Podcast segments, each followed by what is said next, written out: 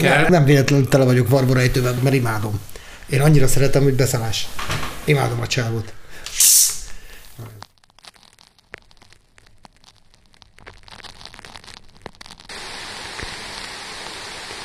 Vantit Podcast. A Vantit magazin beszélgetései a popkultúra körül. Sziasztok!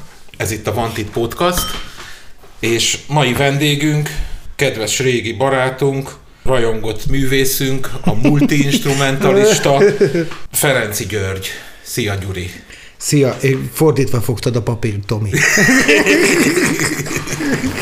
Ja, bocs, összekevertem, nem te voltál. Ez a Balett Intézet igazgatója. És hogy pont miközben jöttünk föl, beszélgettünk, és kiderült, hogy mi már 30 akárhány éve barátságban vagyunk. Abszolút. Hát ez a, az első emlékem veled, az ugye nevelési központos bulik, akkor izé, tantusz, meg ilyenek, tudod, 90-es évek legelején. Tehát a rendszerváltás. hogy egy ö, a fölszopást az elején lejátszuk, Ne. akkor, nő, akkor nőttél nagyon nagyot nekem a szememben, mert nem emlékszem, 92, talán 93 volt, amikor az LGT búcsú koncert volt a a Igen, a nyugatiba. nyugatiba, Igen. és Ez akkor volt, ugyanazon a hétvégén volt a Pécsi Blues Fesztivál. Megcsináltad azt, itt játszottál fönt akkor az ország legnagyobb technikájával, a legjobb kiszolgálással, a mindennel, minden este, és lejöttél az egyik nap a modellel, a másik nap a takáccsal, a harmadik meg nem tudom én, és akkor mondtam azt, hogy basszus, a gázsi között volt mondjuk szerintem egy 50-es szorzó, de legalább 30-szoros, és hogy a, a muzsikálás volt a lényeg neked, hogy ott legyél, és csináld azt, amit szeretsz, és akkor azt mondtam, hogy ez a csávó, ezt megtette, hogy az a plusz 500 kilométer minden nap azért, hogy tudjál játszani a, a, a Pécsi Blues hát, Fesztiválon. Teljesen egyértelmű volt, mert ahogy mondtad, a muzsikálás volt a lényeg, de egyébként a Lokomotív GT-ben is a muzsikálás volt a lényeg, semmi más. Tehát, ott, tehát hogyha ott nekiálltam volna akkor pénzen gondolkodni, akkor már most biztos, hogy nem beszélgetnénk itt. Úgyhogy én azt se tudtam, hogy azért van gázsi.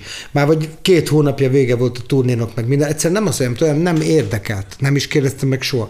És akkor a, fölhívott a Kövesdi Frici, áldja meg a Jóisten, ő volt a gyártásvezető, ő volt a Loco Musicba az igazgató, Pici bácsinak a kiadójába, már nem is tudom, mi volt a titulusa, és azt azt fölhívott engem, azt mondja, gyerek, azt mondja, nem jössz be a gázsidért? Mondom, milyen gázsiért? És azt hittem, hogy elfelejtettem valami filmzenét, vagy valamit. És így, nem, hát az LGT gázsiért. Mi, hú, van gázsi! Föl, bementem, annyi pénzt kaptam, hogy azt a hétszentségit, te jó ég. És így mentem, tudom, hogy az egészet egy, egy Avirex jackire költöttem.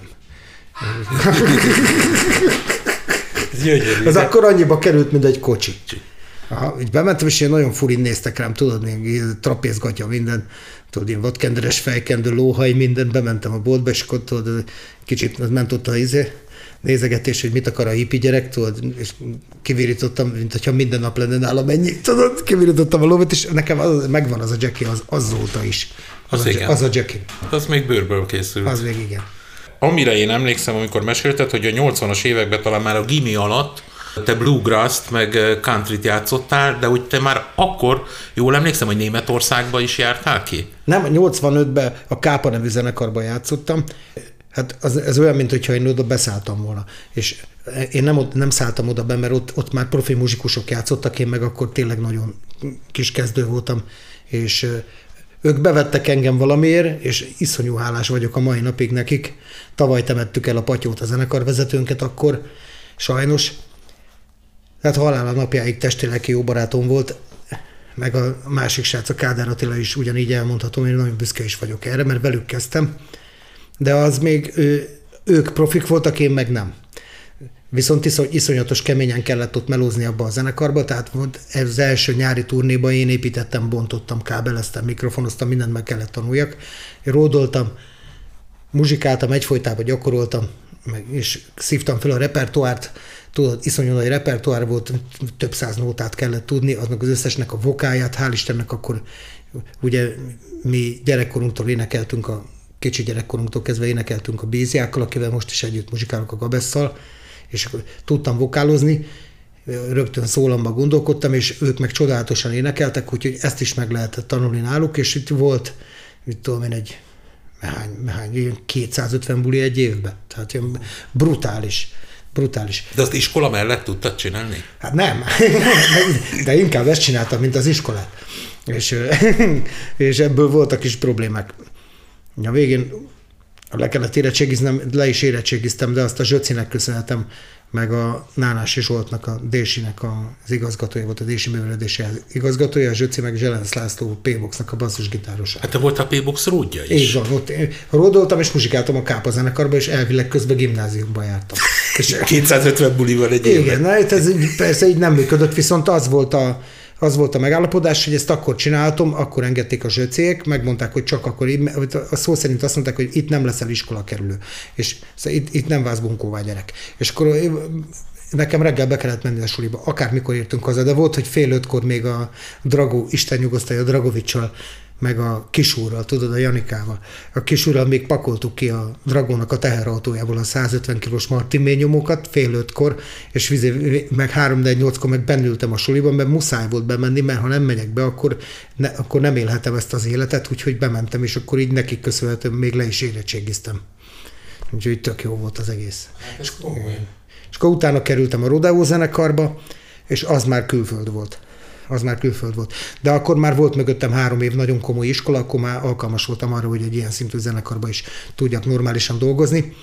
A gyakorlás az persze ezerrel ment, 8-10 órákat harmonikáztam egy nap, annyira imádtam, most is, most is imádom, de akkor meg aztán pláne, mert ilyen rácsodálkozós időszak volt a hangszerre, tudod hogy minden nap kijött valami új dolog, és akkor én azt azonnal beépítettem a rendszerbe, és mivel én hegedültem gyerekkoromban, tudtam, megtanultam nem csak hegedülni, hanem gyakorolni is megtanultam, és az én fölépítettem a saját szent háromságomat a hangszerem már akkor, már akkor is teljesen tudatosan a skála etűd darab.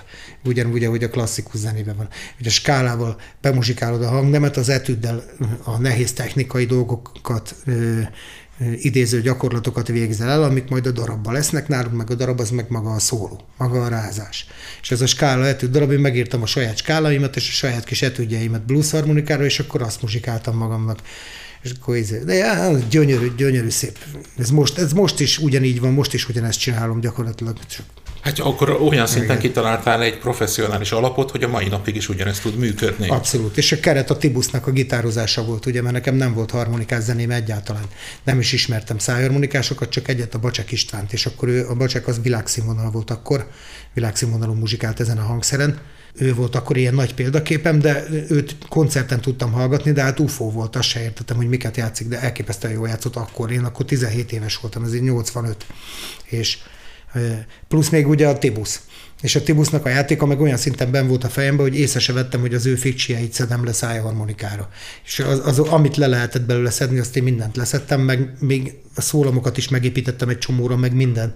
És amikor összekerültünk muzsikálni, amikor először elhívtak zenélni, akkor, akkor jöttem rá erre. Előtte nem volt ez tudatos bennem annyira. Tehát ösztönösen leszetted az ő fikcsieit, és, és a, akkor igen, tudatosodott, amikor és meg mai, élesbe igen, És a mai napig a legnagyobb szólista példaképpen pontosan azért, mert a levegővételektől kezdve, hogy a, a bevezetés, tárgyalás, befejezés, tehát hogy a szóló elindítása, a mondani való kifejtése, valamint az elköszönés, ez teljesen tudatos három része a szólónak, ezt mind tőle tanultam. Tehát egész életemben tanultam, és itt tök jó, szerencsére annyira jó tanároktól, hogy, hogy igazából neki köszönhető minden itt. De a, a, csak hogy a, a multi-instrumentalistát azt nem viccből mondtam, hanem hogy a, a 90-es évek elején ö, először talán egy Honer Telecastert kaptál, amikor ö, láttam, és mondom, hogy Gyuri gitározik, de nem az, hogy most csak ott kísérget valamit izéval, hanem, hanem belementél és, és szólóztál egy Pribil Gyuri mellett, meg egy Gál Gábor mellett. Hát meg, meg inkább, inkább kísértem a, a Pribil mellett, mert az volt, hogy a Gyuri, az, ez egy lépesméz volt, mert ő egy eszenciális gitáros volt ő a mai napig én vele, tehát mind, nincs olyan nap, hogy a játéka is, meg az ember is ne lenne az eszembe. Csak úgy, mint a Kepes Robi. És annyira meghatározó muzsikusok voltak az életemben. A Pribillel az volt a helyzet, hogy ő, bá, ő megfogott egy stratot, és azon csak stratokaszteres hangok szóltak. Ha megfogott egy esgét, akkor csak esgés hangok szóltak. És olyan szinten eszenciális muzsikus volt, hogy hihetetlen. És amikor a rollingokat játszottuk, akkor nála volt egy személyiségváltás. Meg volt, hogy mikor kit gitározik. Tehát, hogy gitározta a Richardsokat, akkor hiányzott mellőle a, a, a Brian Jones, meg a Ron Wood, meg a Mick Taylor. Amikor Mick Taylorozott, akkor hiányzott a Richards. De én meg ezeket tudtam, hogy mi van, és én inkább megtanultam gitározni, csak egyszer ki tudjam próbálni, hogy milyen érzés, amikor személyiséget vált, átugrani a másik személyiségre, és ezt megcsináltam. És azért az esmodellben az sokszor azért vittem gitárt, hogy tudjam a Gyurit kísérni. Nem akartam én ott tarjászkodni. Hát gyerekkorom óta muzsikálok, én pontosan tudtam, hogy nincs értelme nekem elkezdeni ott hősködni egy pribil gitár szóló után, minek, érted? Ezt már, ezt már akkor sem voltam egy ostoba, akkor is tudtam ezeket, viszont az, azt el kellett muzsikálni, ezeket a kísérleteket.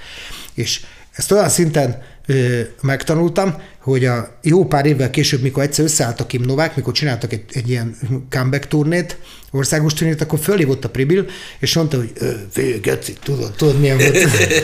Figyelj, gyere már el gitározni a turnéba, tudod, és akkor az, az, az, amikor megnyílt az ég a fejem fölött szabályszerűen, és mondtam, hogy izé, az mit, mit, mit, mit kell muzsikálni, testvérem? Azt mondja, Hát tudod te azt, azt mondja, mindig a másikat.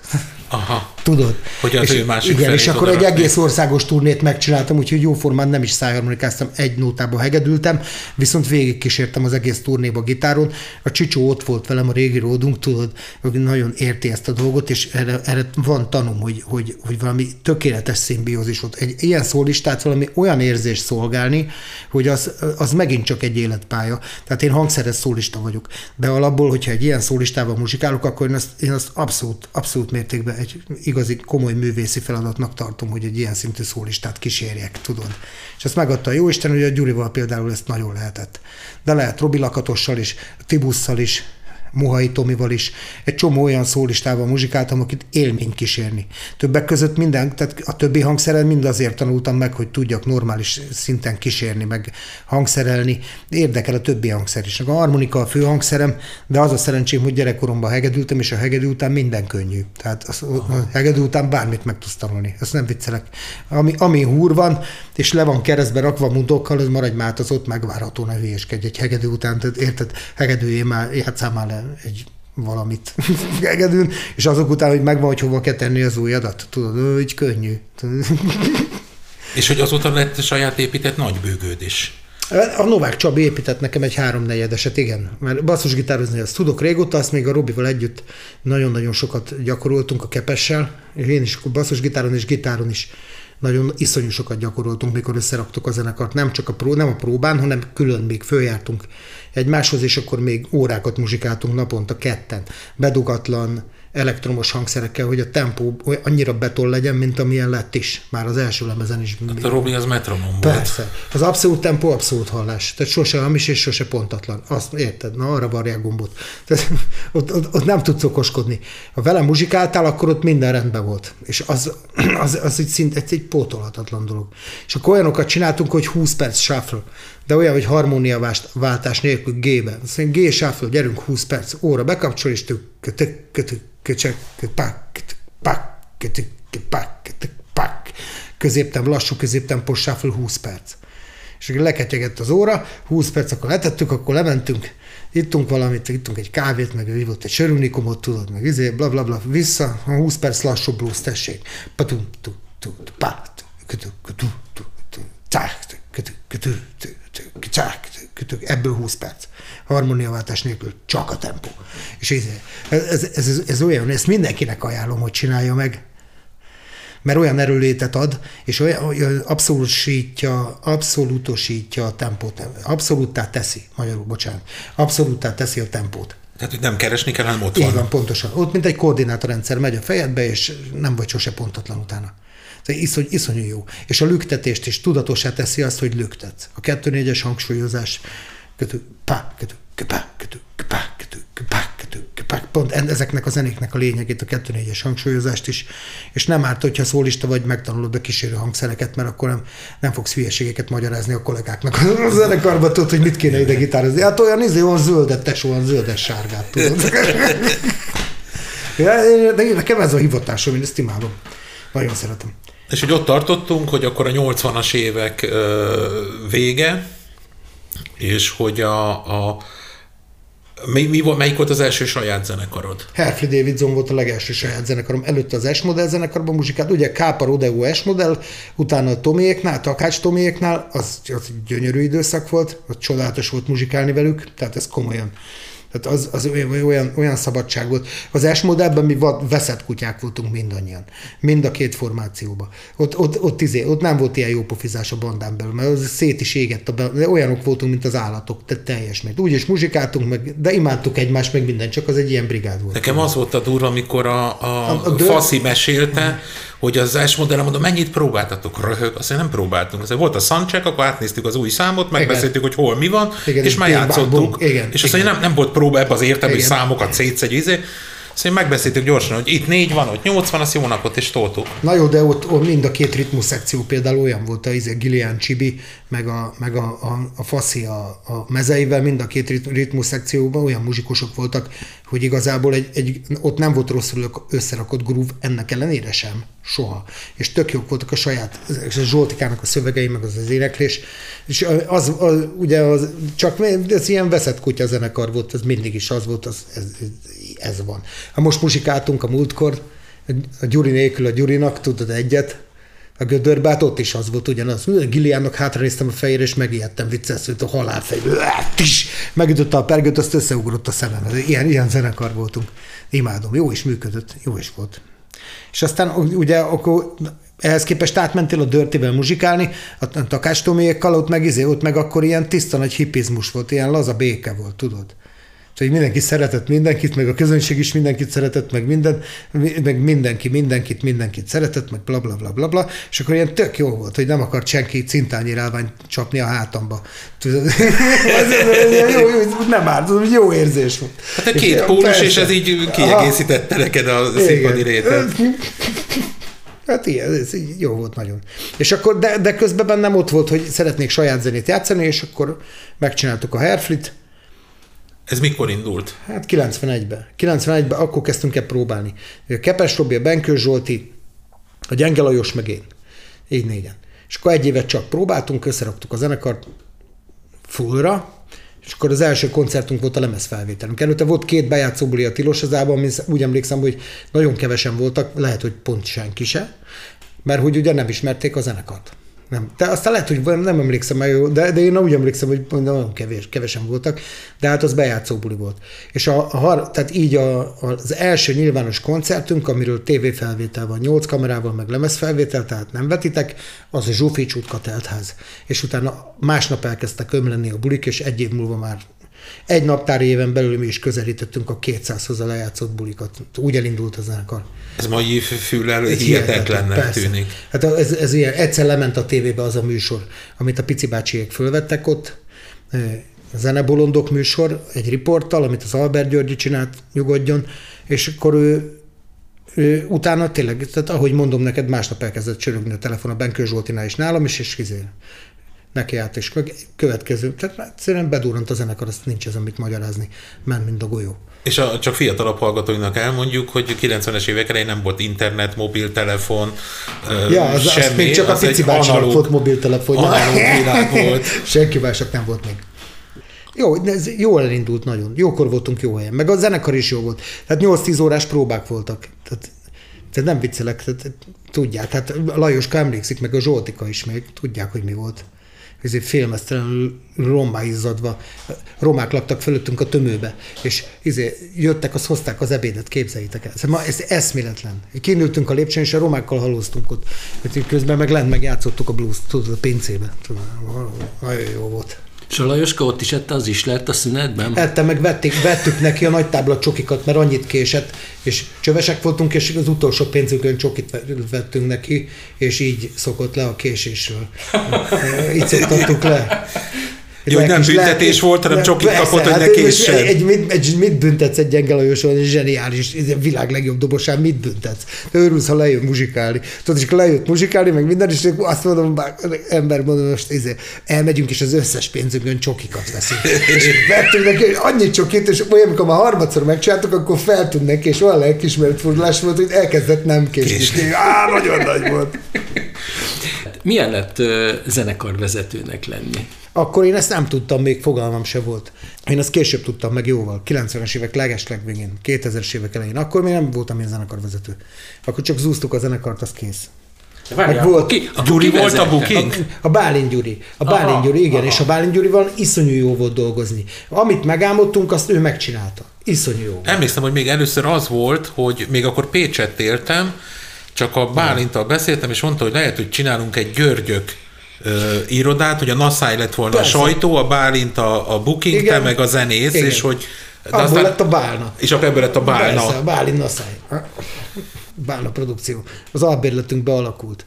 De jó volt nagyon. A, Gyuri is ugyanolyan volt, mint mi. Ugyanaz a generáció, ugyanaz volt neki a fontos, iszonyú jó táncolt rock and roll, tehát érted, tudta, hogy mi van. És ment is kurva jól a zenekar, már bocsánat, nem akarok káromkodni, de ment a zenekar, mint az, mint az ágyugójó. Jó is volt nagyon. Én, én, én zenekarvezető jóval később lettem, utána, amikor ő vele már nem dolgoztunk együtt, utána kellett. Meg rájöttem, hogy, hogy, hogy ez, ez, ez egy bonyolult válasz, mert ö, addigra már kezdett megépülni a zeneipar, és én addigra már nem voltam arra kíváncsi. Meg, volt, meg volt a tanulópénz, amit kifizettem ez, ez ilyen kiadóknál, ilyen multiknál, meg ilyen embereknél. Előtte se voltam hülye gyerek, mert van jó üzleti érzékem van basszus, mert most én el tudom úgy adni a zenekart, mint nagyon kevesen, tehát mindig működik ez, meg szerettem is csinálni. De előtte nem foglalkoztam ezzel, mert olyan, akkora szórakozásban voltunk, hogy semmi nem érdekelt engem, és ugye, hogy a Gyuri kikerült, utána valakinek el kellett kezdeni csinálni, és akkor már ugye nekem kigurult, hogy miről szól a zeneipar, és azt mondtam, hogy az thanks, köz, üljön le egyes, tehát maradjunk már. Viszont egyik pillanatra a másikra nem megy, mert először csak azt volt, hogy azt nem. Aha, hogy mit nem akarok? Azt, azt érted, hogy mit akarsz csinálni, azt nem tudod. És az hosszú évek kellenek. És akkor, izé, akkor még azt hittem, hogy még a Herfit meg tudom reformálni, azt utána már saját magam miatt nem tudtam, nekem voltak olyan korlátaim, amit már nem tudtam meglépni, és akkor a fiatalokkal, a Zsoltival, meg az Ádival, amikor a rackát megcsináltuk, akkor akkor, akkor már tudatosan döntöttük úgy, hogy nem fogadunk el semmilyen előnyt a zeneipartól, és saját megrendelői kört építünk ki, és kizárólag jól lejátszott bulikkal reklámozzuk a zenekart, semmi mással. És ez bejött. Ez a második dobás volt életemben, ami bejött, mert a Herfel is bejött. Az elején azt ösztönösen dobtam, ezt már tudatosan dobtam, és ez is bejött. És a, ez a mai napig tartjuk magunkat, hogy nincs... Én egyébként se hívok fel senkit, hogy hadd muzsikáljak nála. Az azért nem jó, mert nem biztos, hogy mi kellünk oda. Aha. Tudod, azért Mert nehéz, ti kelletek, azok hívnak. Persze, de most már. De az elején nem hívtak, mert ugye nem tudták, hogy van a zenekar. Érted? Tehát az egy buliból nagyon nehéz kettőt csinálni. De a, a 20 buliból 40-et már könnyebb csinálni, mint az egyből kettőt. És az volt a nagyon nehéz. De az a szerencse, hogy, hogy nekem azért jó nevem van, meg jó nevem is volt akkor is, amikor nem ment a zenekar, meg akkor is, amikor még nem, nem volt a racka, nem volt kiforva, és nem beszélt úgy a világról, hogy érdekes legyen az emberek számára, akkor is bulit, akkor is tudtam csinálni. Tehát én kimegyek a színpadra, és megcsinálom a bulit. Kész, szólista vagyok, ez a hivatásom, ez a dolgom. Kimegyek, ha nem csinálom meg, akkor kapjam be. Az az érdekes, hogy a, a rackáknál ez mennyire volt tudatos, hogy az, amit hoztál magaddal, a Bluegrass, a country, ez egy jó nagy adag bluesszal, blues rockkal ö, öntve, majd belejött a népzene, a különböző etno dolgok, a jazz. Ma ott van a rackák, hogy tudtok játszani egy jazz fesztiválon, egy rock fesztiválon, egy blues fesztiválon, bármilyen zenei környezetbe, ez tudtok ö, kaméraonként megjelenni. Tehát nincs trash metal talán, ahol nem tudnátok Ez, elférni. ezek, ezek nem tudatos, nem azért, hogy nézzük meg a YouTube-on, hogy mi megy, és azt építsük bele. Ez nem ilyen dolog. Nálam, nálam például a népzene, ami miatt ugye a bluesista barátaink egy csomót elkésztek a 90-es évekbe, meg mit kell magyarkodni, meg izé, bla bla bla. Tudod, emlékszel te is ezekre a ostobaságokra. Amikor én az S-modellbe bekerültem, én akkor már táncházba jártam. És járok a mai napig. És a zenekarommal 12 éve járunk a dűvőzenekarhoz tanulni, rendszeresen. Úgyhogy turnéból minden nyáron kiveszünk egy hetet, és egy hétig náluk tanulunk, az ő táborukba vagyunk. Meg egyébként is tanulunk mindenkitől. Meg ha átdolgozást csinálunk, akkor először megtanuljuk eredetibe, az eredeti hangsúlyjal, eredeti vonással, eredeti harmónia menettel, eredeti dallammal, és utána azt soha nem játszuk el színpadon, mert nem akarunk rossz népzenekar lenni. De az eredetit, ha nem tudod, ha nem tudod az eredetit, akkor mit dolgozol föl? Érted? Akkor, mi, érted? Akkor mit dolgozol föl? Akkor Agyas csak használod, igen. akkor azt csinálod, hogy izé, azt csinálod, hogy lájkot akarsz magadnak vadászni, és a saját kultúrádat használod. Az pedig, az pedig, az gáz. Az gáz. Nálunk nem ez van. Nálunk ez, ez melóval alá van támasztva. Olyan, olyan szinten, hogy a táncosokat is most már nagyon jó ismerjük, mert nagyon sokat dolgozunk néptáncosokkal. Olyan a magyar népzenei kultúra, hogy ha nem ismered hozzá a táncot, akkor az egészet nem érted. Mert ez tánzene. Ha nem tudod, egy kalotaszegi forgatóst, egy invertitát nem tudsz a szemed előtt felidézni, hogy hogy forognak benne, akkor nem fogod tudni sose elmuzsikálni.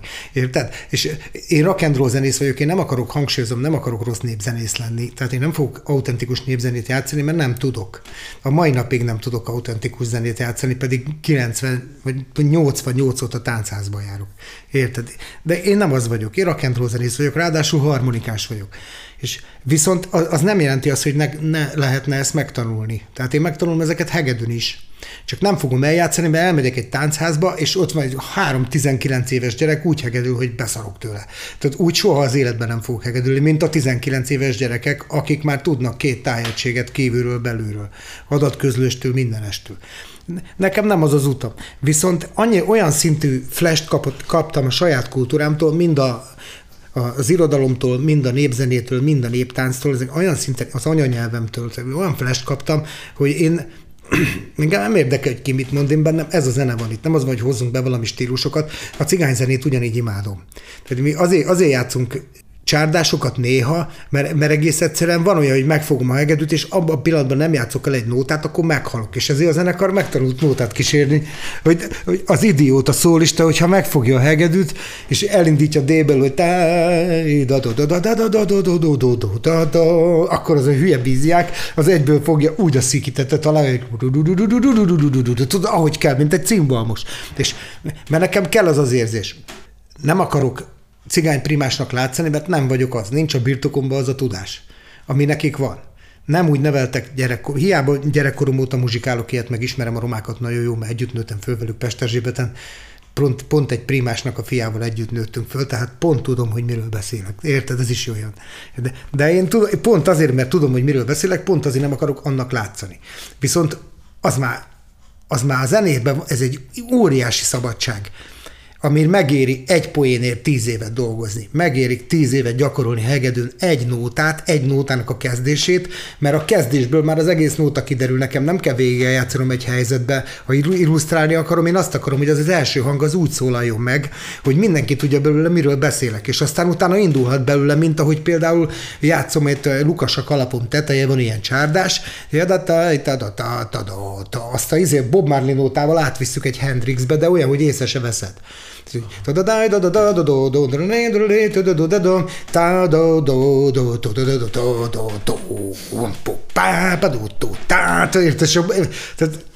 Érted? És akinek ez sok, az ne jöjjön rackára. Az ne hallgasson Frank Zappát. ez van. Tiszta, tehát igazából ezeket Persze. a plusz műfajokat, ezeket használod liftnek, hogy az egyikből átvidd a igen, másikba. Igen, meg, meg nem beszélve arról, hogy külföldön, amikor muzsikálunk, amit sokszor megesik, akkor, akkor így ezzel beszélgetést kezdeményezek a kedves közönséggel, akinek nem magyar az anyanyelve. Egy kikacsintás, Persze, a Bob ezt teszi lehetővé, hogy az egész koncertet magyarul tudja muzsikálni, úgyhogy jól szórakoznak közben.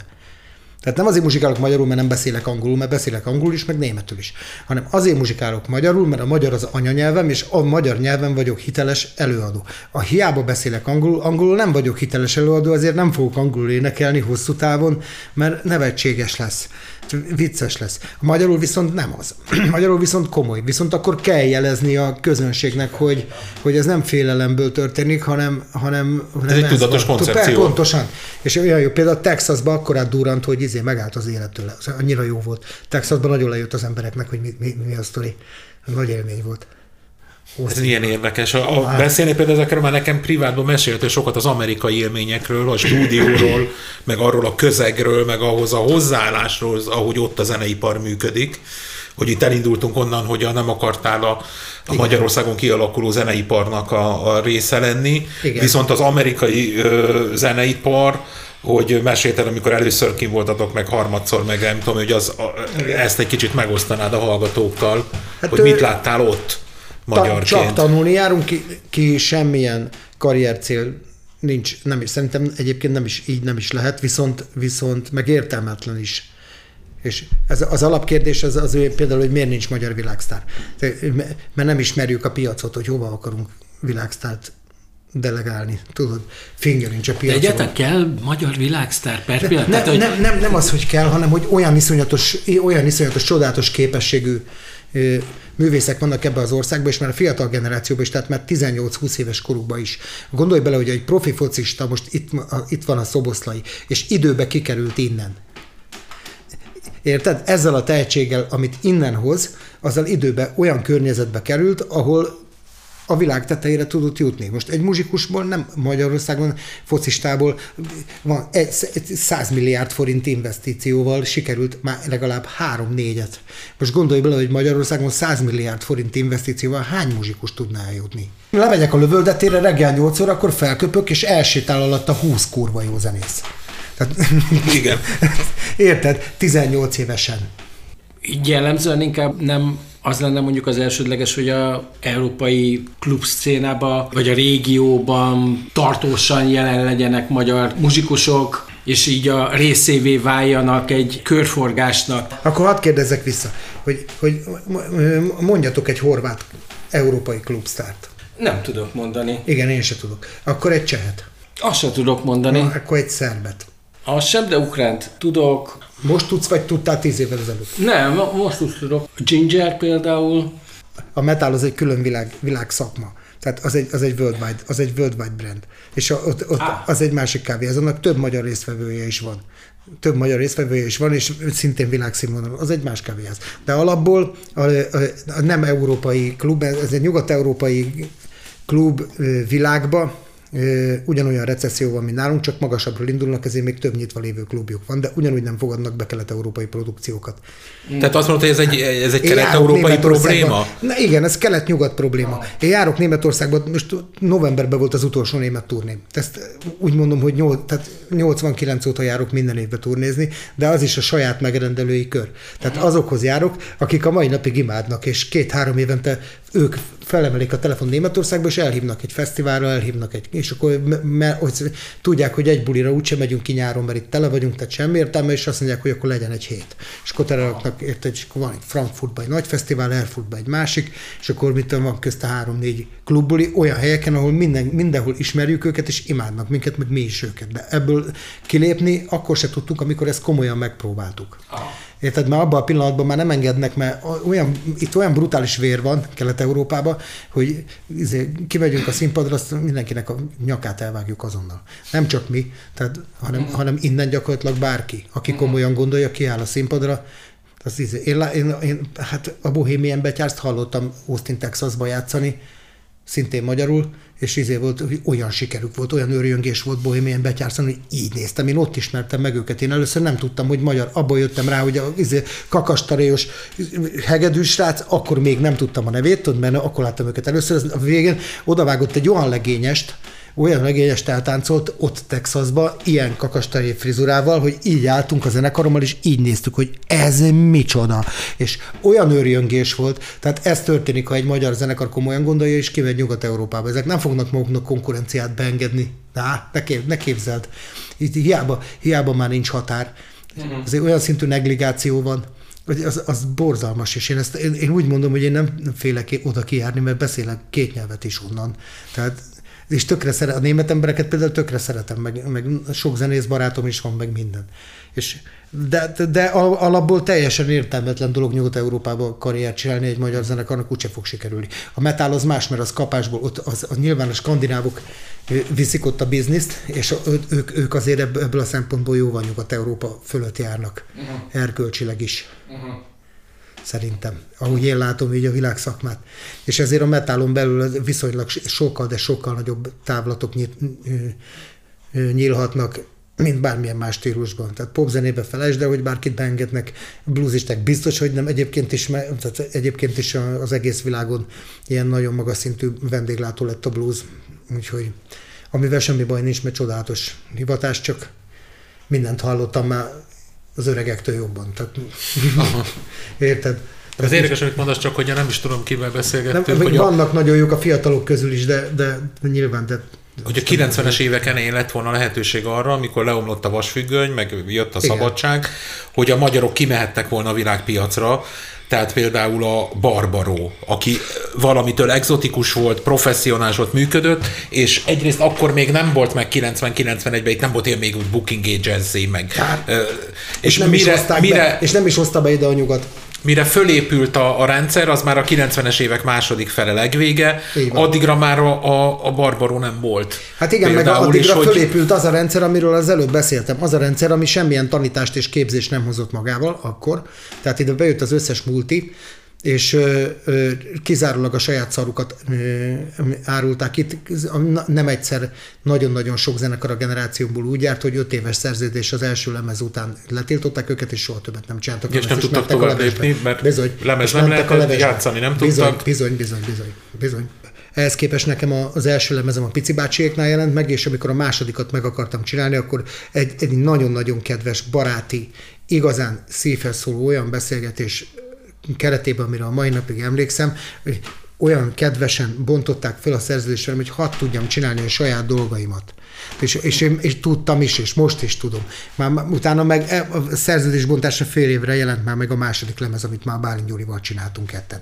És onnantól kezdve minden évben azóta is folyamatosan tudott. Tehát lehet ezt emberi módon is csinálni. Csak ezt akarod mondani, volt egy emberi nexus, így ami van, alapján így van, így van. meg tudtátok ezt Persze, oldani most ez, képest az összes ilyen, izé, összes ilyen kiadó mit hozott ide be? Hát figyelj, semmi más, csak, a, csak gyakorlatilag csak termékárusítást. Gyarmat. Ez a, ez a, igen, ez gyarmat, és ez a, ez a nyugatnak és Amerikának a felelőssége abba, hogy a rendszerváltáskor a kelet-európai országokkal nem bánt tisztességesen.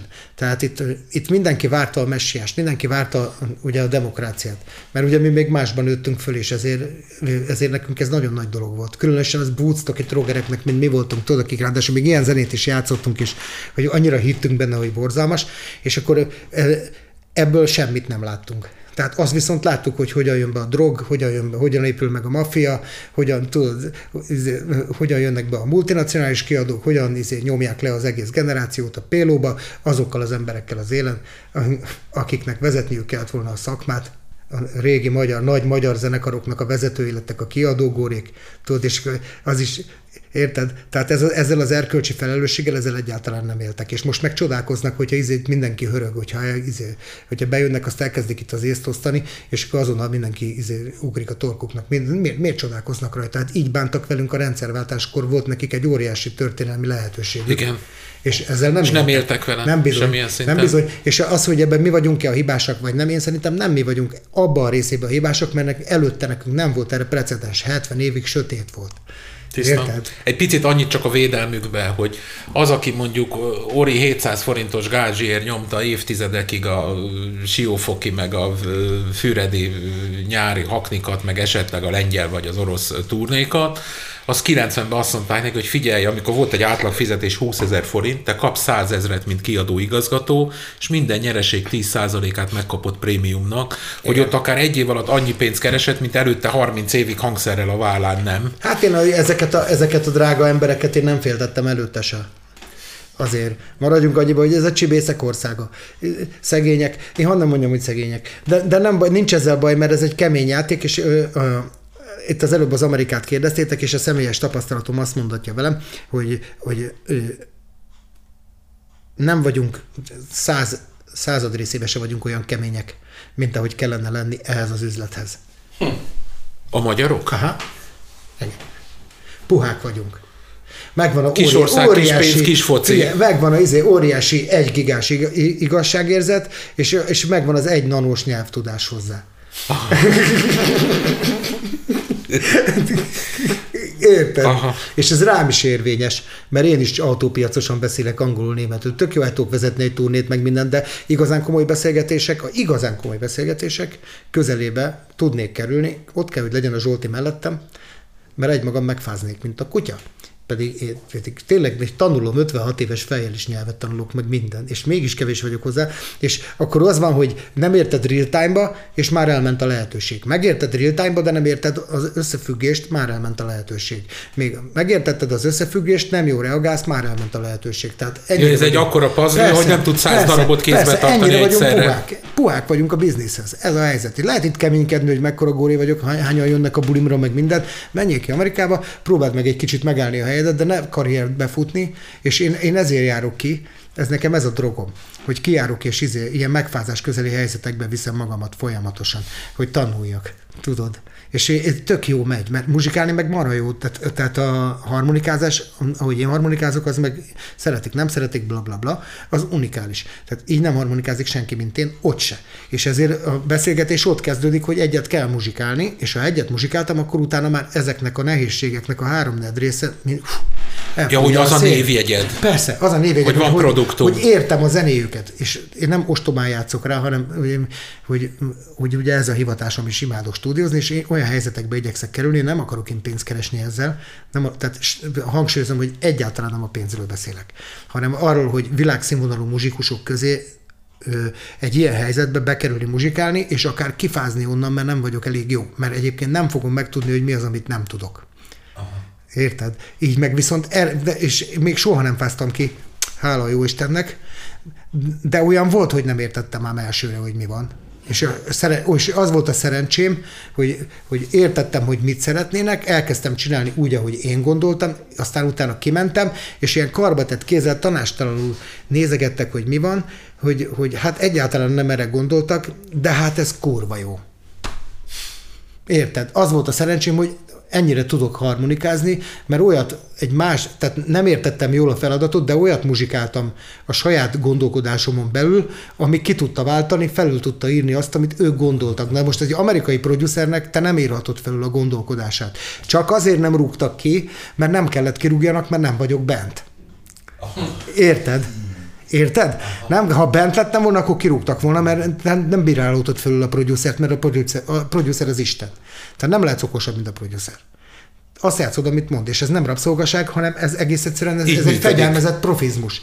Azért hívtak téged oda. Oda hívtak, na és na ezért mondom, hogy puhák vagyunk. És utána ebből egy nagy nevetés lett, és egy mai napig tartó barátság, és egy, egy tovább lépés ebből.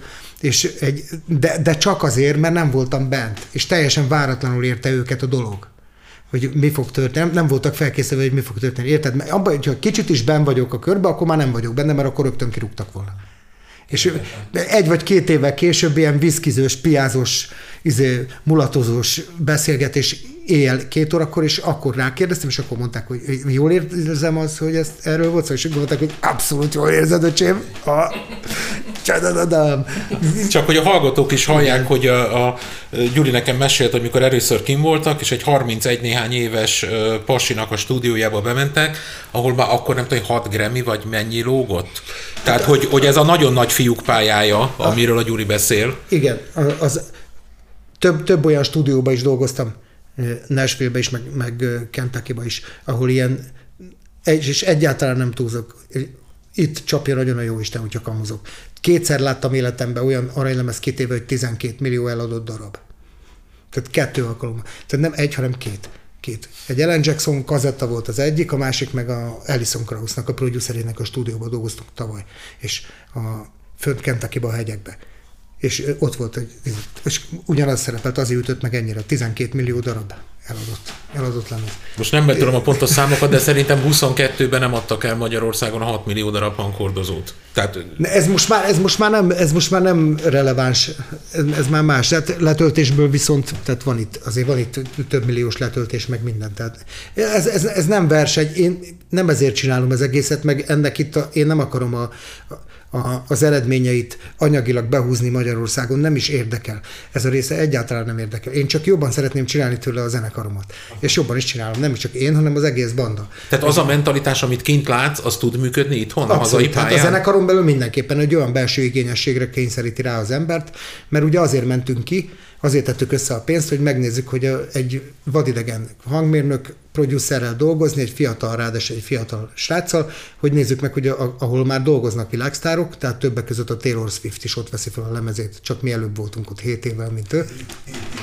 Ezért... Megágyaztatok persze, a Taylor hogy. Hogy megnézni, megnézni, hogy a világszínvonalhoz képest mi az ösztönös reakció. Tehát, hogy, mert az nem hazudik, tudod. Fölmuzsikálsz egy nótát, és látod a hangmérnökön, tehát fogod, tehát tudod, tudod, hogy, hogy mi a helyzet. És Iszonyú jó.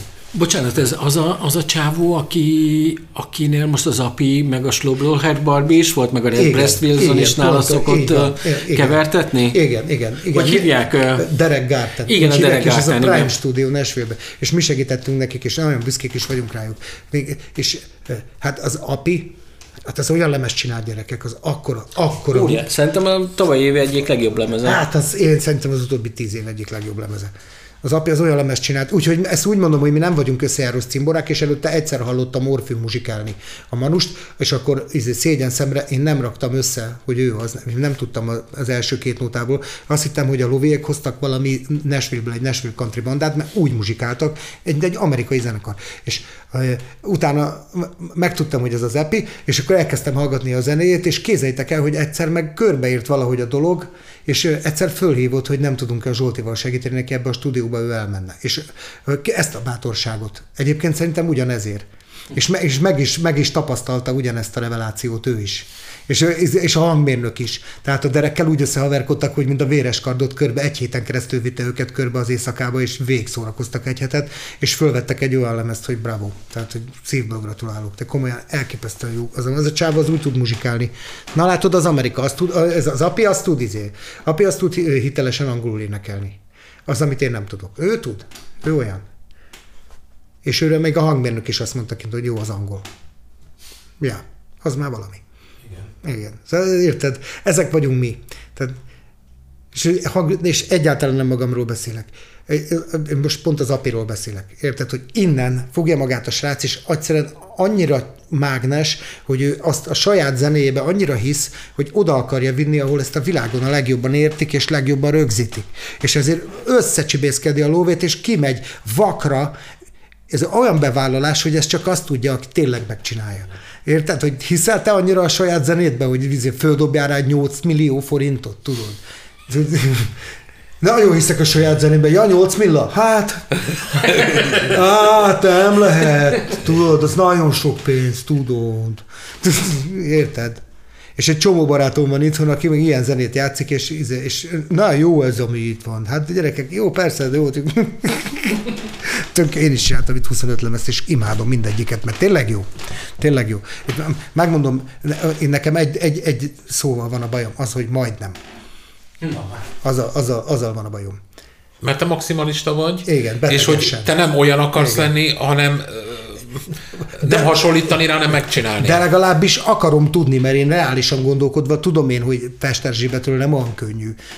Nem olyan könnyű Amerika világsztár színvonal tápláléklánc csúcsa top muzsikussá válni Pester Zsibetről. Sikerült már egy-két embernek innen, de én nekem nem biztos, hogy sikerülni fog, de akarom tudni, hogy hol tartok az úton. És nem azért, mert megmagyarázom magamnak, hogy már vagyok olyan jó, hanem azért, olyan, azért, azért mondtam, hogy az a drog, hogy olyan helyzetbe kerülni, hogy, hogy derüljön ki, tényleg derüljön ki. Mondják meg azok a csávok, mert azok tényleg ott vannak. Tehát azok tényleg ezt tudják. Tehát, érted? Tehát nincs olyan, nincs olyan alkalom, hogy, hogy most már tök jó baráti kör van, tök, tökre imádnak minket. És ez, mert ezt nem váltottuk sose, hogy hadd muzsikáljunk egy kocsmába valahol. Nem lehet valami hakni, nincsen tesó valami gázs és buli. Érted? Ez nem vált, nem vált, tehát nincs értelme ennek. Viszont már tíz éve kiárunk, és ezért most már megépült egy nagyon elit baráti társaság. És most már ez, ez, ezt egy dologra használjuk mi majd föl, hogy ezt, az, ezt a tudást ezt haza lehessen hozni, és itthon lehessen tanítani. És már minden tudást haza tudunk hozni. Bárhonnan. De a mentalitást is, tehát az, hogy a, a tudást, hogy milyen egy szand, amit mondtál, hogy amíg nálunk azzal kezdődik, hogy egy pergőt két és fél órán keresztül próbál a hangmérnök megtalálni, hogy mi lesz a szand, ott azt mondtad, hogy oda mentetek, és megkérdezte a hangmérnök, hogy mit szeretnél, hogy köpni nyelni nem tudtatok, hát azért jöttük ide, mert te tudod, és azt mondja, azt mesélted, hogy hogy egyszer megtörtént a csoda, igen, csinálta a dolgazat, és igen. hogy működik. Igen. És hogy a, a a, a tudás know-how-ját lehet, hogy haza lehet hozni, de a magyar Biztos. hangmérnöknek Nem, a az- mentalitását, a, a magyar hozzáállását, a nagyon jó, a, nagyon, nagyon jó a mentalitása. Nagyon-nagyon sok, nagyon-nagyon sok. Például úgy van, hogy a rögzítésben, rögzítésben ö, már nagyon sok magyar stúdió világszínvonalon dolgozik. És uh, itt nagyon jó a magyar hangmérnököknek a mentalitása. Nem az van, hogy itt minden szarott, minden jó. Tehát itt, itt ugyanúgy mindenki a saját kútfőjéből kitalálja, és olyan annyira tehetséges emberek vagyunk, hogy iszonyú magas szintre el tudunk jutni. Tudok legalább 10 pesti stúdiót mondani, de vidékieket is tudok mondani, olyan stúdiókat, ahol világszínvonalú munka folyik. Tud De folyni. akkor mi, mi az, amit Van. be lehet hozni ide-onnan? A hozzáállás? E fölött van még egy, nem egy, hanem még két iskolai szint. Tehát ezt ott egyetemen is tanítják. Tehát egyetemi szak. Plusz van a Blackbird stúdióban 6 és 9 hónapos tanfolyam a Blackbird stúdióban, ahol stúdiófilozófia óra van. És én azon ültem bent. Stúdió Stú- filozófa. Igen, igen, és úgy kezdődött az óra, hogy izé, úgy, úgy, mondom, nagyon, nagyon, most már mi bárhova be tudunk jutni, és nem azért, mert ügyes gyerekek vagyunk, és bekanyhaljuk magunkat, hanem már jó hírünk van kint. És így tudtam beülni a Pintér Zsoltévra, így ültünk benne a Blackbird stúdióba, stúdió filozófia órán, ami azzal kezdődött, hogy figyeljetek ide, a stúdió egy hangszer.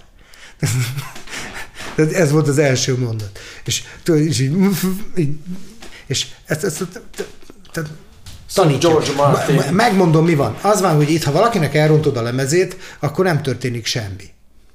Tehát, hogy te nem kevered össze annyira jól. Hát ez most nem lett olyan jó. Itt nem történik semmi. Ott meg bezárod a stúdiódat, és buktál 12 millió dollárt, amit beinvestáltál. Ott, érted, Annyira mert- erős a persze. piac. Hát van 300 stúdió Nashville-be. Csak a Blackbird 8. Nagyon durva. És ez egy 600 ezeres város. Mondjuk egy 400 milliós piacról beszélünk. Egy 400 milliós piac, a világ zenei központjáról beszélgetünk, az a város, és ott van több mint 300 stúdió, csak a városban. Tehát csak a Nashville táblán belül. Igen, csak gitárosból van egy egy gigabyte. Egy kecskemét városnyi. Igen, igen. Igen. Tehát konkrétan, konkrétan olyan, a, olyan, olyan a versenyhelyzet, hogy te elbaszod valakinek a lemezét, akkor már záratod is be a stúdiódat. Csá. Ott buktál. És akkor a bank vitte a ház, nem csak a stúdiódat, hanem a hiteled és a házadat is, és annyi neked. És akkor ott mindenki mindig 100%-ot vagy 110-et tud hozni? Hát bizonyám. De bizonyám. Bizonyám. És azon belül vannak szintek, amiket igazából nem is értünk, mert nem, nem, nem abba vagyunk szocializálva. Érted? Tehát amikor, mikor izé a Black, pont ez a Blackbirdbe, hogy, ilyen, hogy be, be, az, az, a, a stúdiónak az igazgatója, az, az vitt minket körbe. És megnéztük mind a nyolc stúdiót, mert na, annyira, annyira jó fejek. Ez fizikailag képzeljük el egy egy íralmatlan nagy objektum, Hát nyolc egy, nagy, ez különböző egy stúdió. telek és nyolc különböző épület, nyolc különböző stúdió, de úgyhogy komplett, tehát mindegyik ilyen helységekkel, meg pihenővel. Hogy minden van meg felvevő, meg- keverő, igen, utómunka. igen, és akkor beáll, így azt mondja, gyertek, gyertek, bemegyünk, hogy így elkezd csinálni. És a thrillerből a izé, a, a, tudod, a Michael Jackson számból. De ez, és mondom, ah, ezt itt vették föl, aha, azt mondja, ezért a Quincy Jones idejött. Ezt esküszöm. Aha. De durva. De milyen durva. Milyen, érted? És, ezt érted? Tehát, hm. És én akarom ezt tudni, nem mindent, mert, mert nem mindent fogok én ebből tudni, meg én koncertzenész vagyok, meg nincs már lemezkiadás, meg nincs már lemezpiac.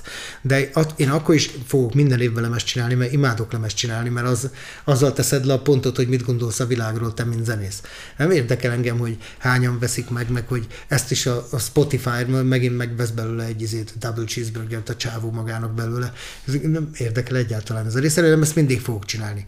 Ez, ezért jó, hogy mi magyarok ilyen gentrik vagyunk, tudod, hogy ja, elviszik a pénzt, a izét, elviszik a pénzt a Spotify, meg az Apple Music. Ezért most már azért csinálunk lemezt, hogy neki keressünk pénzt. Ah, nem baj, buktunk már nagyobbat is, tudod. Anyag elegancia. hadd szóljon, persze.